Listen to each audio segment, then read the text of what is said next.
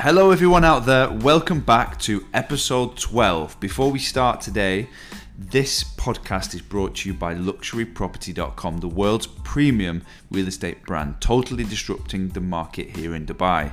Today in the studio, I am joined by Mr. Richard Crossley, a new addition to the team here at luxuryproperty.com with a huge amount of experience in the real estate game and some great stories to tell us about life in Dubai and some other fun locations that he's been involved with. So, welcome to the podcast this morning, Richard. Thank you, Liam. How about that for an introduction? wow. Put you on the spot a little you bit. did? A lot to live up to there. Come on. um, so, so the Dubai Life podcast, you know, nothing too property specific, although you know we, we are at luxuryproperty.com. What was what was your journey like to Dubai? Why did you decide to come to Dubai? Because I know we've talked briefly about things that you've been involved with before Dubai, Yeah. but how did Dubai first come into your mind? Why did you decide to come here? Okay. Well, funny enough, I fell into real estate straight out of university when I was 22. So now I've been in real estate pretty much non-stop for the last 30 years. There's been one or two interesting uh, side steps away, but wherever I've lived in the world, I've always been involved in property. So um, it just it got to what I think five years ago when I was in uh, rainy, cold, grey Yorkshire, and I thought, is this it? And I thought, why not Dubai? I'd never ever been to Dubai, but my parents. Where did you see it? Did you just No, my parents. Online? Had, Oh, my parents, uh, they've got family in Australia, so they used to stop off in Dubai and come, come back and say, "Wow, we had two days in Dubai. It's it's amazing. Amazing. It's beautiful. You know, all this kind of thing." They used to stay down in uh, Jumeirah Beach Hotel, um, and they used to go uh, in that area and onto the Palm as well. And they came back with so many stories. So. I was working at the time as a an area manager for a British letting company called Belvoir in York, and York's lovely, but Yeah. it, ra- it rains a lot. It's grey, it rains a lot, and it was one of those grey Sunday afternoons, and I was just sitting there thinking, really, come on, let's do this. I, I think I was in my late forties at the time. I thought, right, there's one adventure in me left, one adventure in the old dog. Let's go and have a look. so um, yeah, I and also at the at the time there was a lot of. Um, in the emails, a lot of adverts popping up for like, come and work in Dubai, come and work in Dubai. Yeah. What So- year was this? This was uh, 2014. Okay. Yeah, Yeah, I was 2013. yeah. and it just seemed to be it's like one of those things now where uh, you know you, you search something on google and then anytime you go on to any other platform youtube facebook instagram anything that you've searched always comes up Mm. and you see it everywhere Yeah. and if it's in your mind it kind of like Yeah. just shows up in strange places i think Yeah. it's the same with dubai Yeah. for me as well i started thinking about it and then it started showing again jason hayes crashing the podcast Yeah. as always And also, I must admit, uh, Jason has just walked in. He's our CEO of uh, luxuryproperty.com, and he's a lot brighter and bushy tailed than he was yesterday Yeah. after Yeah, the why was that, cricket. Jason? Because we were all a little bit subdued yesterday. we were high on life yesterday. We were indeed. England World Cup champions. yeah. Yeah. We dared to dream, didn't we, chaps? That doesn't happen every day of the week, does it? dared to dream. So we I'm did. gate crashing again. I made the last one. you did you, you're becoming a, Is, is, a this, is this a constant feature of the Yeah, yeah, podcast? yeah. Yeah. Enjoy, guys. Thanks, Jason. Um, Yeah. we'll, we'll talk about the cricket in a bit because Yeah. that was insane, wasn't it? It I was. missed out, and I've never really sat down and watched a cricket match before. Yeah. But I think I would enjoy it. I really like golf, and I can Yeah. sit and watch the, a whole tournament like Yeah. four days Yeah, non-stop. so can especially with the Open. Yeah. I love it. It's amazing. So I think I probably would like the cricket. Yeah. It was a long one, like It was hours. basically on the cricket. Um, I played cricket. It's one of those sports that you've got to get into as as a small person. Basically, your Yeah. parents, your father, whoever, your mum, for, Yeah, for example, yeah, yeah. They, they, they they introduce you to it because it the rules are quite weird. Eleven guys go in, and you've got to get ten guys out, and then the next eleven team go in. It's very complicated, but it's great fun. And like the final was just the most insane game of cricket probably ever. Honestly, it was just the swings and the emotions was just unbelievable. Yeah. But I'm, I'm like you. I love golf, and I thought, uh, you know, having played cricket, I could go to golf quite easily and, and hit a golf ball a long way. Yeah. Oh my goodness. I think cricket, you know, I, I, speaking to a lot of people who have, have come from a cricket background, it, it sets you up not in the best way. Like the, the technique's a little bit different. I think Yeah. tennis is good for golf. Yeah. The movement in tennis, you open Yeah. with the hips and then follow through. But I think cricket is more of a, uh, a different movement, isn't it? It- it is, it it's is, it is. difficult But here- that ingrained. here in Dubai, yes, there is a, a, a great cricket uh, energy. You know, a lot of uh, Pakistani Indians, etc. They they live for Love their it. cricket, and You I, see know, them outside on yeah, Friday. Yeah, Friday. All many day. times I drive past the car, park. parks. I just want to stop and get out my car and back with them. Yeah, and I've been, you know, I've been up to the the cricket ground here and like watched 2020s with Pakistan and Test match cricket with Pakistan and England involved. It's been great, but nevertheless,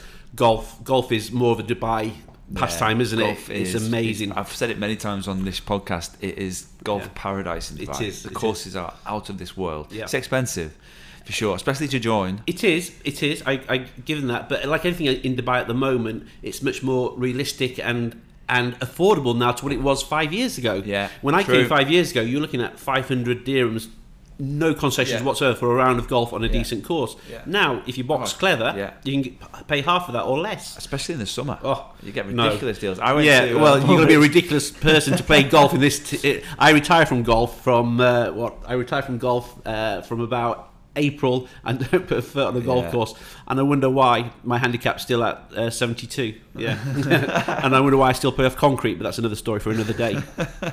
Yeah, it is. Uh, golf now in the summer is brutal. It's- it is I literally you, you, you play uh, the, the round and you just don't stop drinking water. You get the little ice buckets on the side of the carts and you don't stop drinking the whole way around. But you don't go to the toilet. Yeah, you must have yeah. three or f- uh, four or five bottles of water, and you come off and it's like you've just jumped in a bath. You literally I your do it. socks, your boxers, Yeah. your shirts, everything is I, just I, I drenched. think the last game of golf I played, we, we teed off at five thirty-six in the morning, and I can remember the last hour, nine till ten before we finished. It was at, we were on we were on the buggies. Yeah, uh, and you it- can't put the sun cream on because No, the sweat just comes yeah, off, and, yeah, just it just wasn't pleasure. It wasn't pleasure. Yeah. But also, we were silly though because, as you say, you should if you're sensible drink water. Yeah. we were being chased by the beverage cart and like drinking Stellas. You know, No, from like oh, can't clever, it. not clever. No, but not tell me, what's your favourite golf course in Um, Dubai?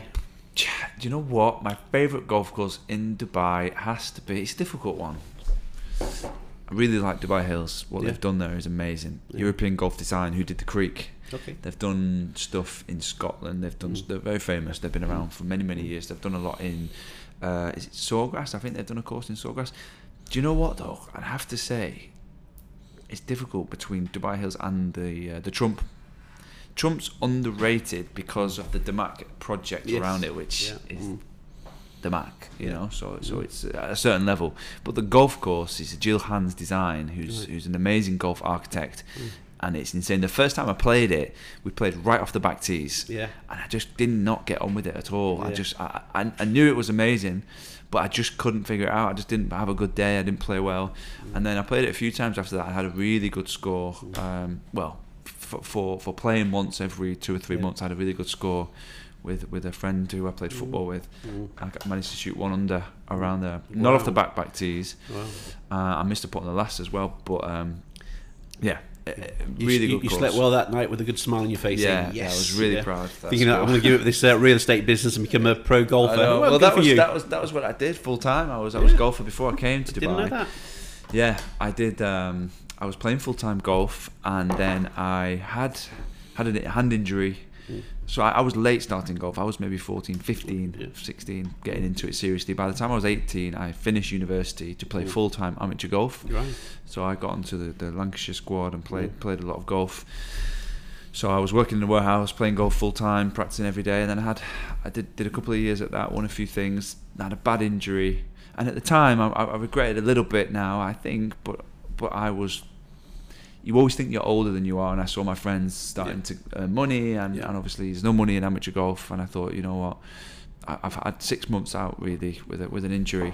I'm gonna start work and make some money. So I, I thought I'd do my teaching course and become Mm. a PGA professional. Yeah. But to do that, you've got to work in a golf shop for three years Mm. on minimum wage. Yeah. wasn't great, but I did enjoy speaking to people, Yeah, learning culture, about yeah. how to sell and, and helping people along with the game. Mm. So, but I thought, you know what, working in a golf shop and being a golf pro isn't for me.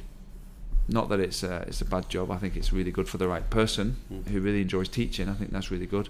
But it wasn't for me, so I decided to do something else. And here I am in Dubai selling. You are. And doing to very well too, Mer yeah, yeah, doing very well indeed. Yeah, So exactly. it can't be bad. Um, right, we've been sidetracked a bit. What Yeah. were we talking about before, why, Jason? why did I come to Dubai? Why did you come to Why Dubai? did you come to Dubai? So yeah, my parents said, "Oh, Richard, you know, they knew I was a little bit frustrated. You know, I want to say it was a dead end job, but it was it was what it was. There was a Limited. there's Yeah. a ceiling to, to that job, and uh, I think I was a single guy, uh, late forties, thinking, "Come on, let's let's go and have, have an adventure." So I contacted uh, one of the companies who uh, who were advertising for, for positions, and I had a Skype interview, and uh, passed that. So and I said, "Yes, okay, you're the kind of guy we want." Um, come and come and uh, meet us. So I hopped on a plane to make sure Dubai existed because I'd never even been to Dubai. So uh, I actually actually accepted the job position and then thought, right, I better come and see what Dubai is about. So I came down. I stayed. Only came for two three days, and I stayed close to Mall of Emirates.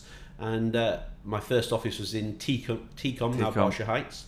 And those two or three days, I just wandered around, went down to the Palm. What what month was it when you got here? Uh, early January, February, so Okay, so quite too pleasant. hot, Not yeah. well from Yorkshire to uh, to, Still to hot. Dubai in January. It was hot, believe me. I came I came at the end of June and I'd never been here before. Imagine that.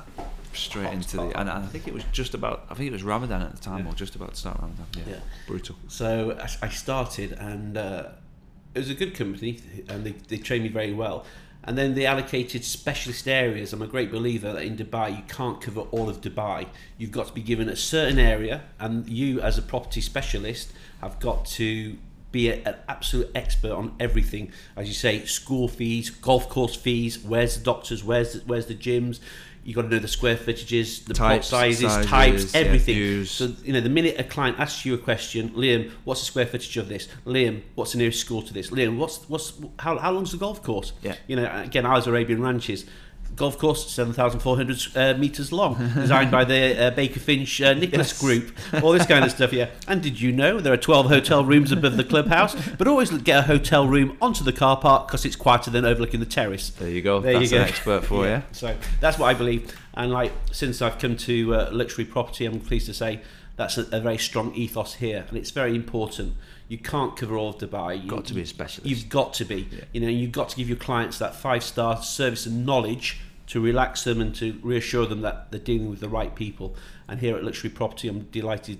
I've only been here for two or three weeks, but I'm delighted to say it, it's, that is a very strong uh, suit to all our specialists here. Yeah. I'm, I'm very, very impressed with the company so far. Jason was talking about the other morning, like owning your area Yes. and, and just being the knowledge broker in that area Yes. and knowing Yeah. if something trades, you know about it. Even if you didn't sell it, you know what Yeah. price it sold for. Yeah. You were speaking to the seller, you were involved.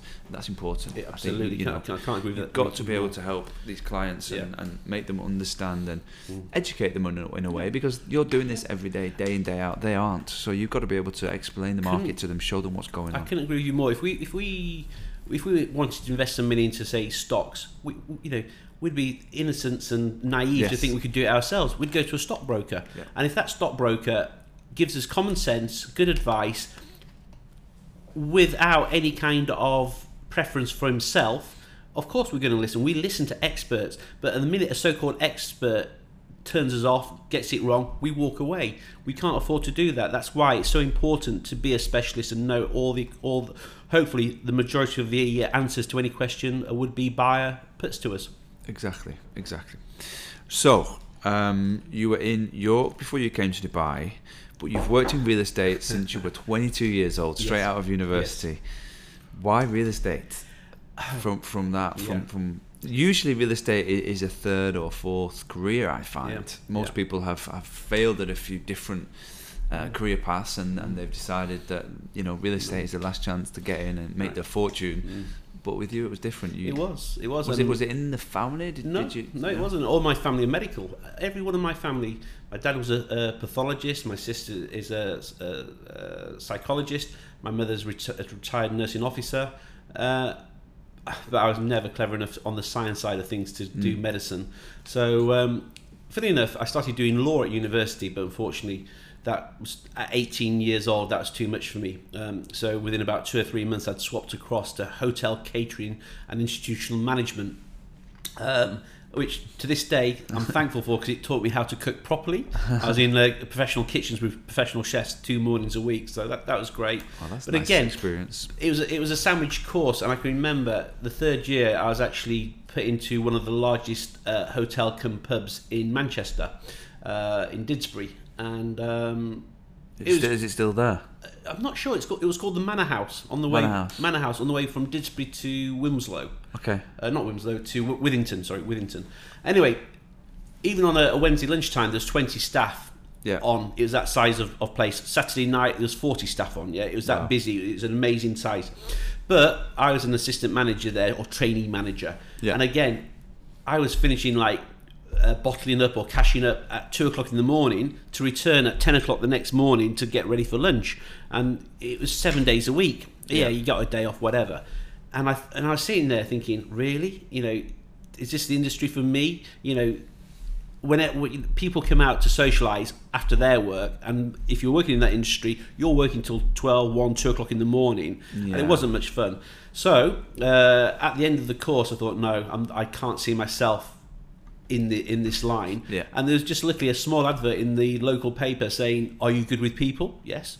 Are you sociable? Yes. Do you like you know? Tick. Do you like selling? Yes. Right. Consider a state agency." And I said, uh, "Okay, yes, I'll, I'll do this." This was about what 86, I think it was 1986. Okay. And I went for my first interview, and uh, my area manager at the time, Mr. Well, I can't say his name, Mr. Alistair Barton. I hope you're still with us, Alistair. I've not seen you for like 30 odd years. I'm sure but he's going to be listening Yeah, to the yeah, you never know. podcast. Anyway, stranger things have happened. So, Alistair, Get in touch with us if you uh, listen I- to this, Alistair. yeah, I got to know him, but at the time he was a real big, physical, intimidating guy. He goes, mm, so, brute. Mr. Crossley, what do you think you're worth a year to us?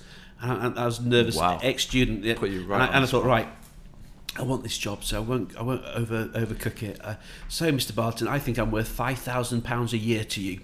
And he and he burst out laughing. He goes, "Really? That's a lot, isn't it?" I was thinking more like four thousand a year. So, in 1986, my uh, my estate Starting agency career salary. st- on four thousand a year. Wow. Yes, yeah. I think if I remember rightly, I netted three hundred and eighty-six pounds in my pocket for my first month of work. so yeah, it's got better since then, gang. Oh Yeah, But there you yeah, yeah, yeah. So yeah, but that was in Withington, in South Manchester, um, and again, it, it, I was there for about a year, and then I went back to Northamptonshire, where my uh, fam- although I'm from Yorkshire, my parents at the time working for the health service were in Northamptonshire. I went back down to Kettering, worked for a big uh, multinational firm there, and then, to cut a long story short, within about three years, I was doing a lot of business with one independent agent called Jonathan Brown, very good friend of mine now. And he, one day he said to me, jokingly in the street, I was in my mid twenties at this stage, he said, "Richard, why don't you come? Why don't you come work work with me? Why don't Why don't we become partners?" And he, he actually said it for a joke, but I, I, I actually took it for serious. so about a few days later, after me thinking about it, I phoned him up and said, "Jonathan, yeah, I'd like to come and be your partner." And he, was taken aback, saying, "Really?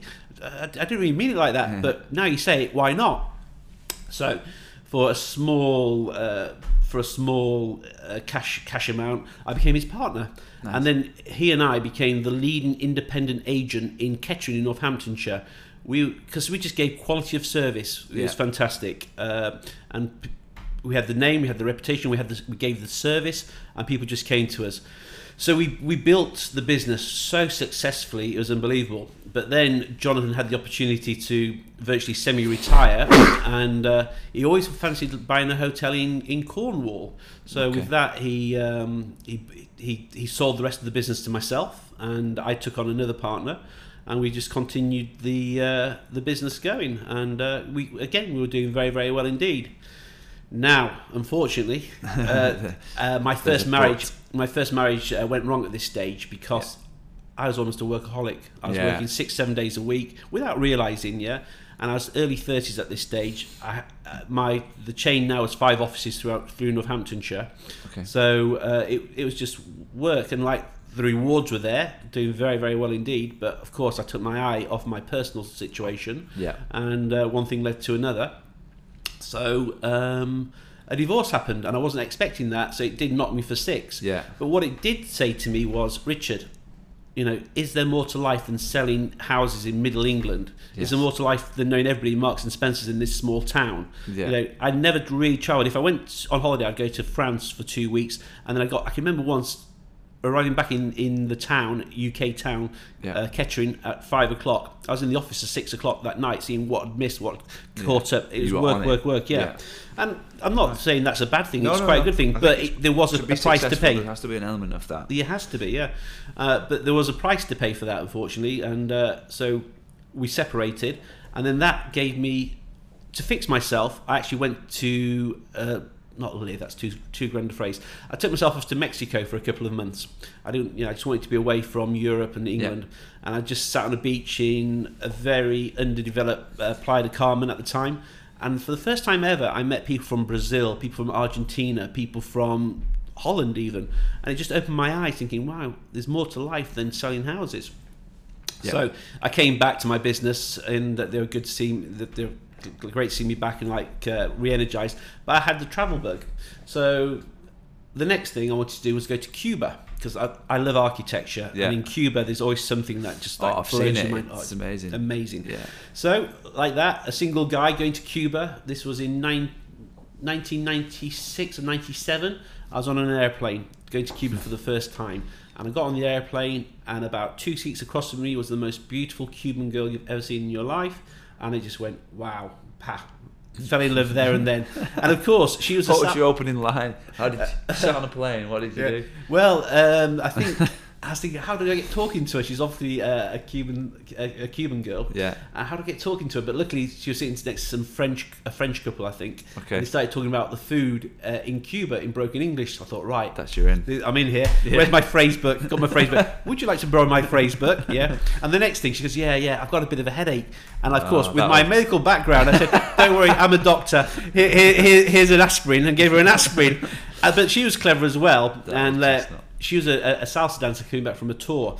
And uh, she had loads of bags, and of course, a Cuban going into Cuba would have to like almost bribe a Cuban official to get all her bags through customs, whereas uh, a tourist Can just take them straight just take through. through. no so she used me as a Ah, big and strong to carry her bags. Yeah. Okay. Oh, there's another story to that. That's another, for another day.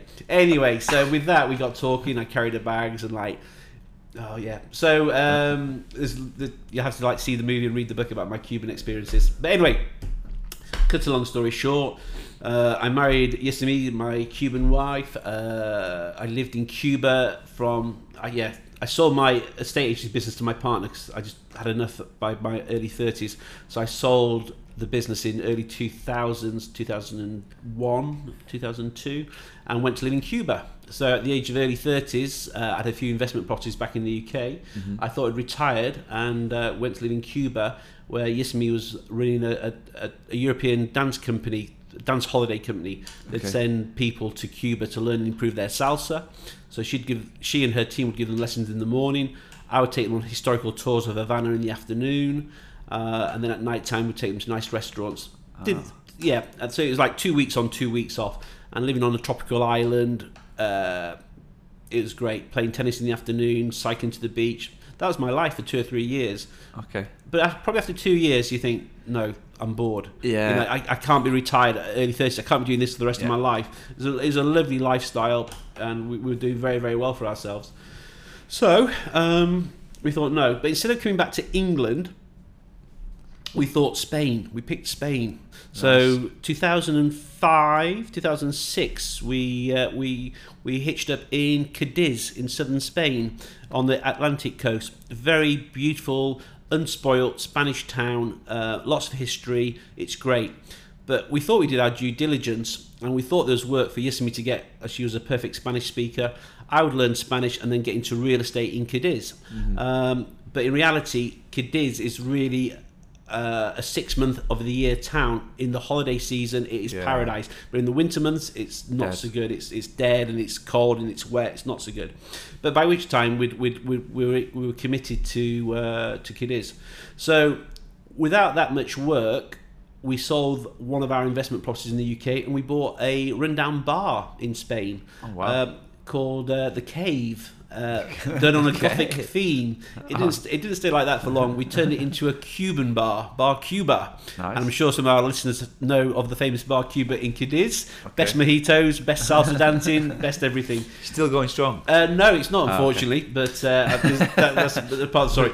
I, I sold that to my brother. But of course, the Spanish recession came. So Yeah. from 2005, 2006 through to about 2009, 2010, we were packed out every single night. Honestly, Mm. it was just mental, and it was it was fantastic. It was great, good fun.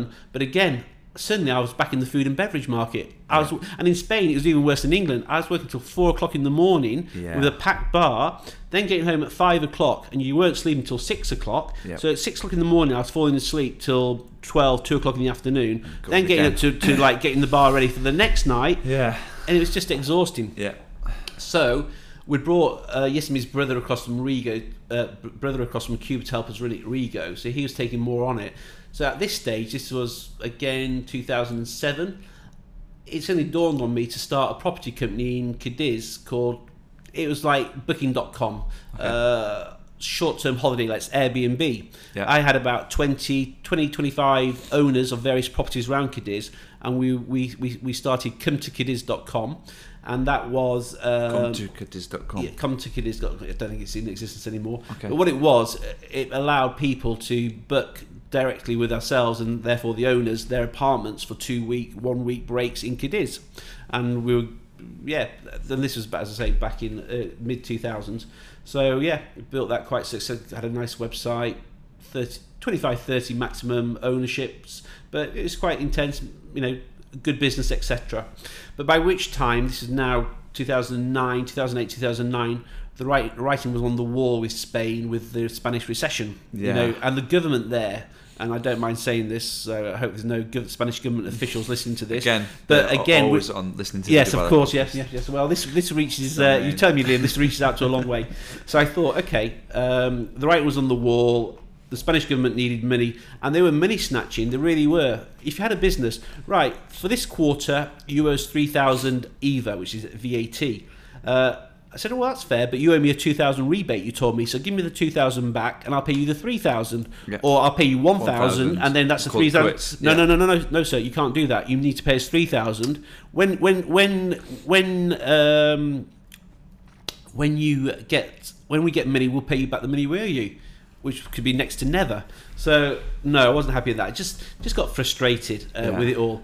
And so that's one of the beautiful things about Dubai, is it not? The tax-free Exactly. society that we live in. So bear this in mind if you're thinking about going to live in, in any country. So after after what a year or so of this, I had enough. I thought, no, I'm going back to England. At least I understand the governance and Yeah. the government and the taxes. and I might not agree with it, but I understand it. Yeah. And you can't just go into somebody's bank account you and help plan. yourself. Yes. Yeah. Whereas in Spain, they could just lock your bank account or go into your bank account and help themselves to whatever they thought they they, they, they, they were. So I went back to uh, to the UK and um, yeah, it, with all my experience, I thought it'd be relatively easy to get a job in real estate.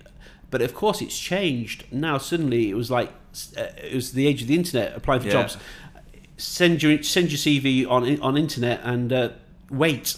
And I, I must. I said, "Oh, mum, this is easy. I've applied for ten jobs today. I'll get ten interviews and I'll pick my job. nothing. Nothing. I, I must send out. And I'm, you know, I am a very experienced guy and Of course, yeah. quite personable. And I, I couldn't believe it. I sent out something like 150 job applications. Didn't nothing hear anything back. interesting it came was, back. It, it was Yeah. it was like devastating almost. And um, but luckily, uh, I saw a job for a trainee negotiator at William H Brown, and uh, I, I contacted the area manager. and Said, "Look, I think I'm a little bit overqualified for this position." She said, "Well, come and chat to me." So I went to talk to a lovely lady, and she said, "Look, I haven't got anything. This is in the Leeds area, Leeds and York area. Mm. I haven't got anything, but but my, my colleague has got something in Rotherham, South Mm. Yorkshire." So uh, Liam's laughing. He's heard about Rotherham. anyway, so um, with that, I used to drive 50 miles uh, a day to Rotherham to uh, to become an area manager for um, their upstart in, in letting. And I must admit, in the they had about 20 cold offices throughout the UK, Yeah. and I'm pleased to say Rotherham was the number one cold start office for the year. Congratulations. That Big was- up yeah, yeah, goodness me, that was a hard slog. But uh, again, you you know, if you enjoy this industry, and I know you do, Liam, Yeah. you're, you're good with people and you Yeah. want to help people. Of course. I can remember. I can remember one Saturday. I had a lovely Polish family. They had to move in that Saturday, but of course, in England, you cannot move into a property without a signed-off inventory of the property, saying Yes. the condition and what's in there and all the rest of it. And the only way that this Polish family could move in was to get the invent- inventory. The inventory clerk was going on holiday that morning, but she said, "Richard, I'll do you a favour. You know, you're a good client of mine. I'll come and do it at six o'clock in the morning." Oh, fair And- play. Yeah, on a Saturday. But, th- but that meant me getting up at four thirty on a Saturday morning on. to get to be in my car for five o'clock in the morning to drive to just outside Rotherham. But we did it, and that's Nice, and that yeah. that is the That's the kind of, kind of service that it takes to, to make It an does. impression and, Yeah. and to, uh, Yeah. to grow and get Yeah. referrals, I guess. It, it does. I mean that that that I'm sure So- you've got stories just the same, but that is a, a true mark of a property professional that Yeah. they do that. You know, Jason who sort of gate crashed earlier. He, he told me, and I think he's told you Yeah. the other night. He was having Oh, yeah, supper at eight thirty yeah, at night, and somebody said, 1 a.m. "Yeah, can I, yeah. can I come and view this this villa?" And like much to the uh, to the chagrin of Mrs Hayes at ten o'clock, he set off, met the client at ten o'clock, didn't finish till 1.30 in the morning. Yeah. But hey, he got the offer. Got the offer. Yeah, the owner loves him for, for the commitment. course, yeah. the, the, the, the buyer loves him for the commitment. Yeah. and that you know, I'm sure you've got stories. Yeah. what's, what's your best story like my that? best story. Okay. Um, my best real estate story in Dubai. Probably not about my service, but it's quite a funny one. So when I I started off in renewals. So I was just renew. I had no real estate experience when I came to Dubai, so I was doing property renewals. So I was doing the, back in 2013 when the market was flying. I was set to contact tenants and landlords at Smith and Ken at the time was a huge agency, and there was just renewals coming up every day. So I was in charge of contacting the landlord and the tenant and organising the new tenancy contract. Did really well. Uh, moved on to lettings on the Palm. Didn't really do amazing on lettings. Didn't really uh, find my way. It was very competitive, but then moved on to sales and did really well on sales. But my first big sale was a three bedroom for uh, in Marina Residence, Building Two. I think it was 11th floor, one of the top floors. Beautiful apartment, 5.5 million. Really excited. The, the, the, the purchase was a wedding present for an Iranian family for the daughter. So I viewed with the wife and the daughter, and they, they loved it. They were like, "This is the one," and we talked a few, uh, you know, a few times, and they're like, "Right, okay, we're going to give you the check." The owner wanted uh, six million. They were going to give 5.5 or 5.6, 5.6, and they were going to give 5.5. I said, right, let me come and meet you with the contract. We'll sign, give me a check, and then I'll go meet the owner directly after. So they were like, right, okay, we live in Jumeirah." Um, didn't send me the location, but they said, come to Jumeirah When you get to the Manchester Clinic, turn right, and we are the fourth house along on the right. So I'm fine. So I'm a bit nervous. My first big sale, nine o'clock in the evening, I set off from the office, get caught on a speed camera, which isn't a good start.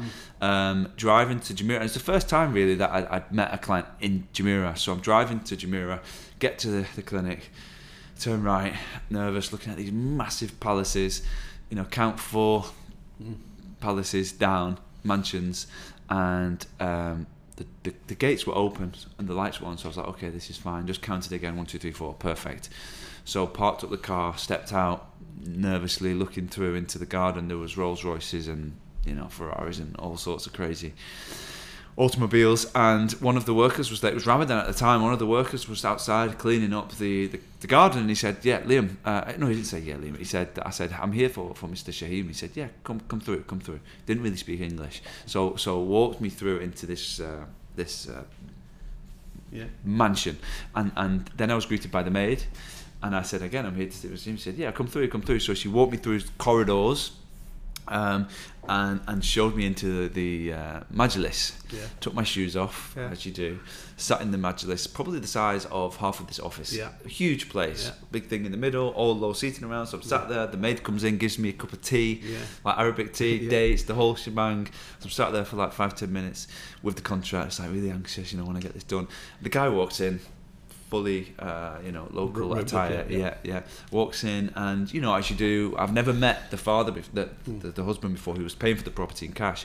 So I was, uh, I was really excited. I was talking about the weather. It was really hot at the time. It was summer. You know, just small talk, talking Hmm. about England, talking about back in Manchester. We were having a really good time. Maybe 10, 10 minutes. And then I was like, right, you know, it's getting late. Let's uh, let's, let's do this. So I said, listen, you, your daughter is going to love this property. For her and her new husband, it's going to be a really nice place. There's lots going on. Just just really really good decision. And we got a great deal as well.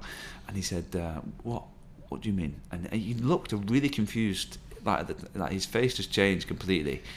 And at that point, I kind of started to realise that I was in the wrong house. cool.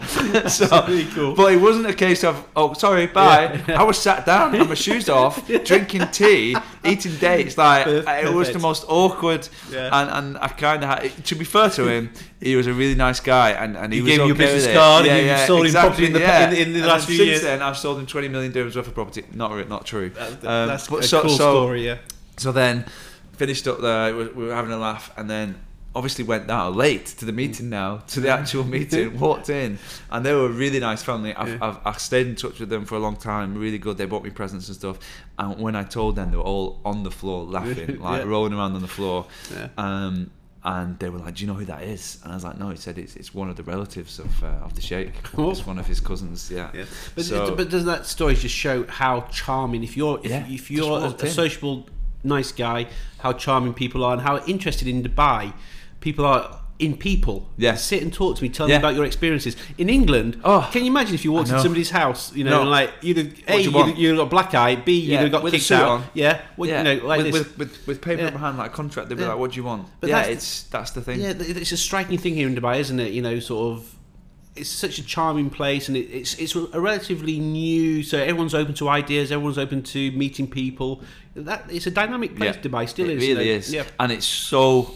It annoys me so much when you hear about you know people reading the Daily Mail about Dubai and how strict it is and how you, you can't do things and Mm. Yeah. it, it, it's, It's not like know, that. It's it, Yeah. it really annoys me actually. Yeah, common sense. like common, that. common sense prevails. We're, we are living in somebody else's country. We must respect their cultures Yeah, and ideas. And like you know, there's nothing worse than seeing a group of uh, people, shall we say, worse the way from brunch. It's it's heartbreaking.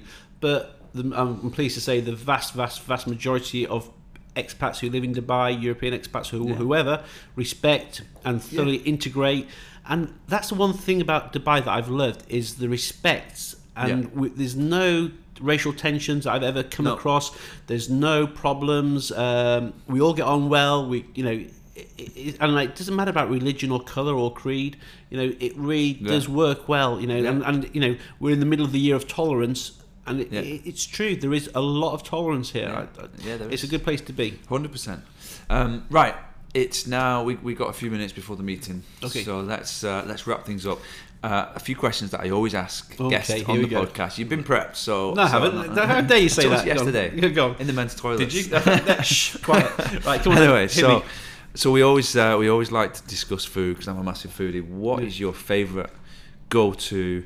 We'll, we'll do two. So we'll do like low end Yeah. cheap meal. What Yeah. do you go for? Takeaway or, or Yeah. like a, a nice easy cheap food? What do you like? What Oh, do you like to get? Me.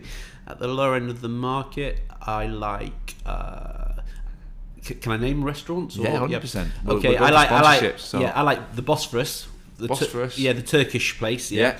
they re- I do love re- Turkish food, Yeah, I've really good grilled meats like the, the, the chicken and the kebabs, Which one? do etc. Which one? There's, few, one. isn't I. I live in uh, Al Manara near Kite Beach, and there's a big Bosphorus on on Jumeirah Beach Road. So that's that's very very good indeed.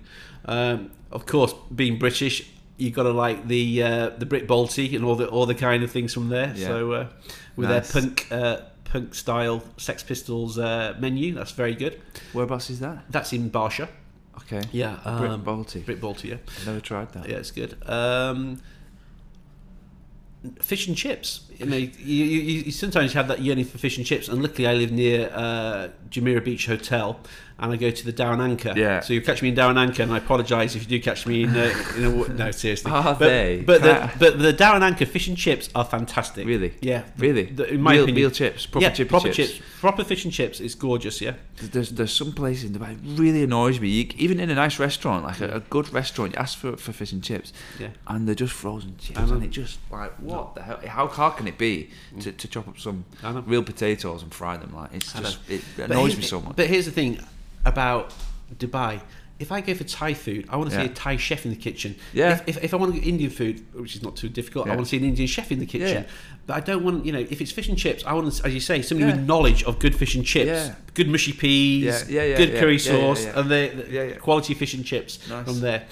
So, what about what about a really high end restaurant? Yeah. Let's say celebration. You're going out. What, what would you? Okay, my fa- my favorite Maybe once a um, my favorite restaurant here is the Parrilla, the Argentinian place. Again in Jumeirah Beach Hotel. It sounds like I live there all the time. I don't, Yeah. but La Paella. La Parrilla, which means it's Spanish for basically the, the Argentinian form of barbecue. Yeah.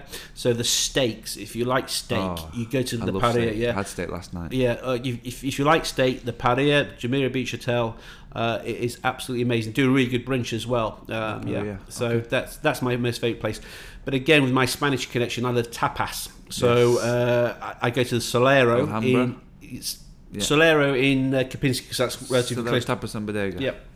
That's quite close to where I live. They do really good sangria. The tapas isn't too bad at all. Yeah.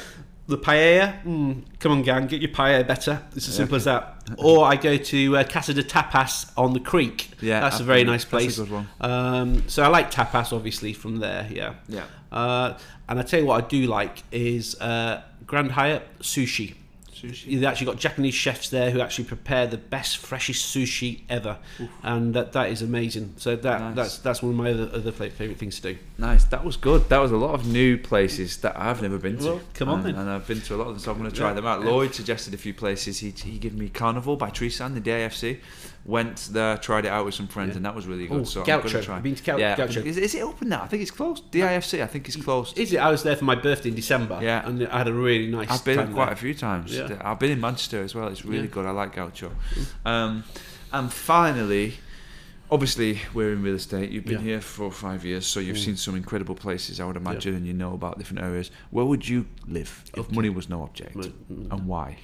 And why? That's like a blind date question.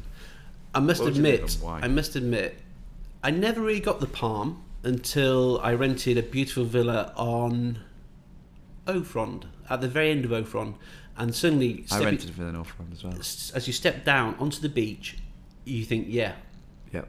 this is. I get, I get the palm Waking now. up in the morning, yeah, stepping yeah, out to the I beach, get the palm. Before I never did, but then Yeah. I got the palm. I've been really impressed with District One as well. Yeah. yeah, that has blown my socks off. You know, and like the quality for for want of a better phrase, a mass-produced product. The number of villas that they're, they're, they are building, the quality that's gone into them, the thought that's gone into it is second to none. So I like District One as well. Emirates Hills, of course. I, I'm missing all all the luxury areas. You know, But, but go on, I'll put you on the spot. Which one? You, you, you, you've won the lottery. You're going to Yeah. buy a house. Today, you've got to do it. You've got to spend your money. Where are you going to go? What are you going to buy? right, I'm from a farm in Yorkshire. Okay. So I like So you like space. I like land, space and which is privacy, not privacy, easy to find in and, and, and, si- and quite silence as well. Yeah. Yeah. Um, so where would you recommend? That's putting you back on the spot, isn't it?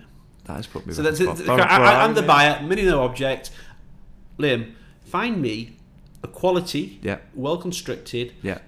private, large plot with silence. Large plot is going to be the main issue. I mean, I can get you up to 40,000 square foot plot, 30,000 built up at Dubai Hills on the street of dreams. So you've only got 26 mansions on that street, overlooking the new Dubai Hills golf course with an insane view of the Dubai downtown skyline. Right.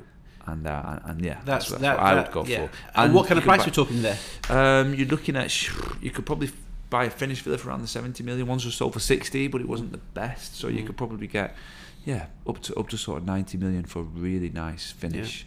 And you could also buy a shell and core, Mm. finish it yourself, make it exactly how you like it. Big cinema room, spa downstairs. You could Mm. Yeah. have a big wine cellar. You Yeah. know, you could you could make really customize it. But I don't know if you would need that many bedrooms. That's going to be No. like eight bedrooms. I must admit, I've just picked up a new listing on Jumeirah Bay, uh, 105 Oh yeah, yeah, million, yeah, yeah, yeah. and th- there, the view across to Oh, uh, insane. Yeah, it's amazing. the skyline and Yeah, Burj, I've been there a uh. Burj I've got- I had a Khalifa. plot there. Yeah, th- this is a finished villa. Yeah. You know, six bedrooms, 105 million, and where else do you get your own mooring bang smack outside your front door? Exactly. Your own private lagoon. Yeah. It's just crazy. Agreed. Uh, But that sums up Dubai, doesn't it? Yeah. Yeah. So uh, yeah, I can live there as well. Yeah, okay. But you know what? I live in Al Manara, and I wake up in the morning. It's a, it's an old, very old place, and I wake up in the morning to cockerels. Really? And, and there's a local guy walking his racehorse down the street, and that to me, you know, Yeah. I, I, I love that in Dubai. nice. Yeah, so Yeah, that's not, not typical Dubai. But- So so there we have it. Uh, we are one minute away from the morning meeting here at luxuryproperty.com, so we timed it really well. I hope you've all enjoyed this episode. Are you on social media at the moment? Can anybody follow you? You're on LinkedIn, right? Yes, I'm on LinkedIn. Okay. And again, unfortunately, I'm, I'm 53 years old. I've come to luxury property. I'm living it. But part of the lessons that Liam and people like you, good self, will be showing me is how, How to to- master okay, so social coming media. soon, shall we say. Yeah, it's coming soon. It's coming so, soon. Uh, Liam always shows me his social uh, media followings, and uh, I want some of that. So Yeah, uh, yeah, yeah. hopefully he'll be coaching me in how to do the videos We'll and uh, falling off 100%. paddle boards and swimming pools and whatever it's going to be. that's more Andrew. Cummings style, but I'll show I've you seen- I've seen you in the swimming pools, so yeah. can't be bad. Yeah, I've been in the swimming pool. Uh, thank you very much. My for pleasure. Really appreciate it. Hope you've all enjoyed listening to this episode of the Luxury Property, no, the Dubai Life podcast at Luxury Property. Um, if you'd like to find out more about what we do, check out the website www.luxuryproperty.com. You can also follow me on LinkedIn. Liam Jeffrey. You can also follow me on Instagram, Liam Jeffrey DXB, and YouTube, Liam Jeffrey. Until next time, thank you all for listening.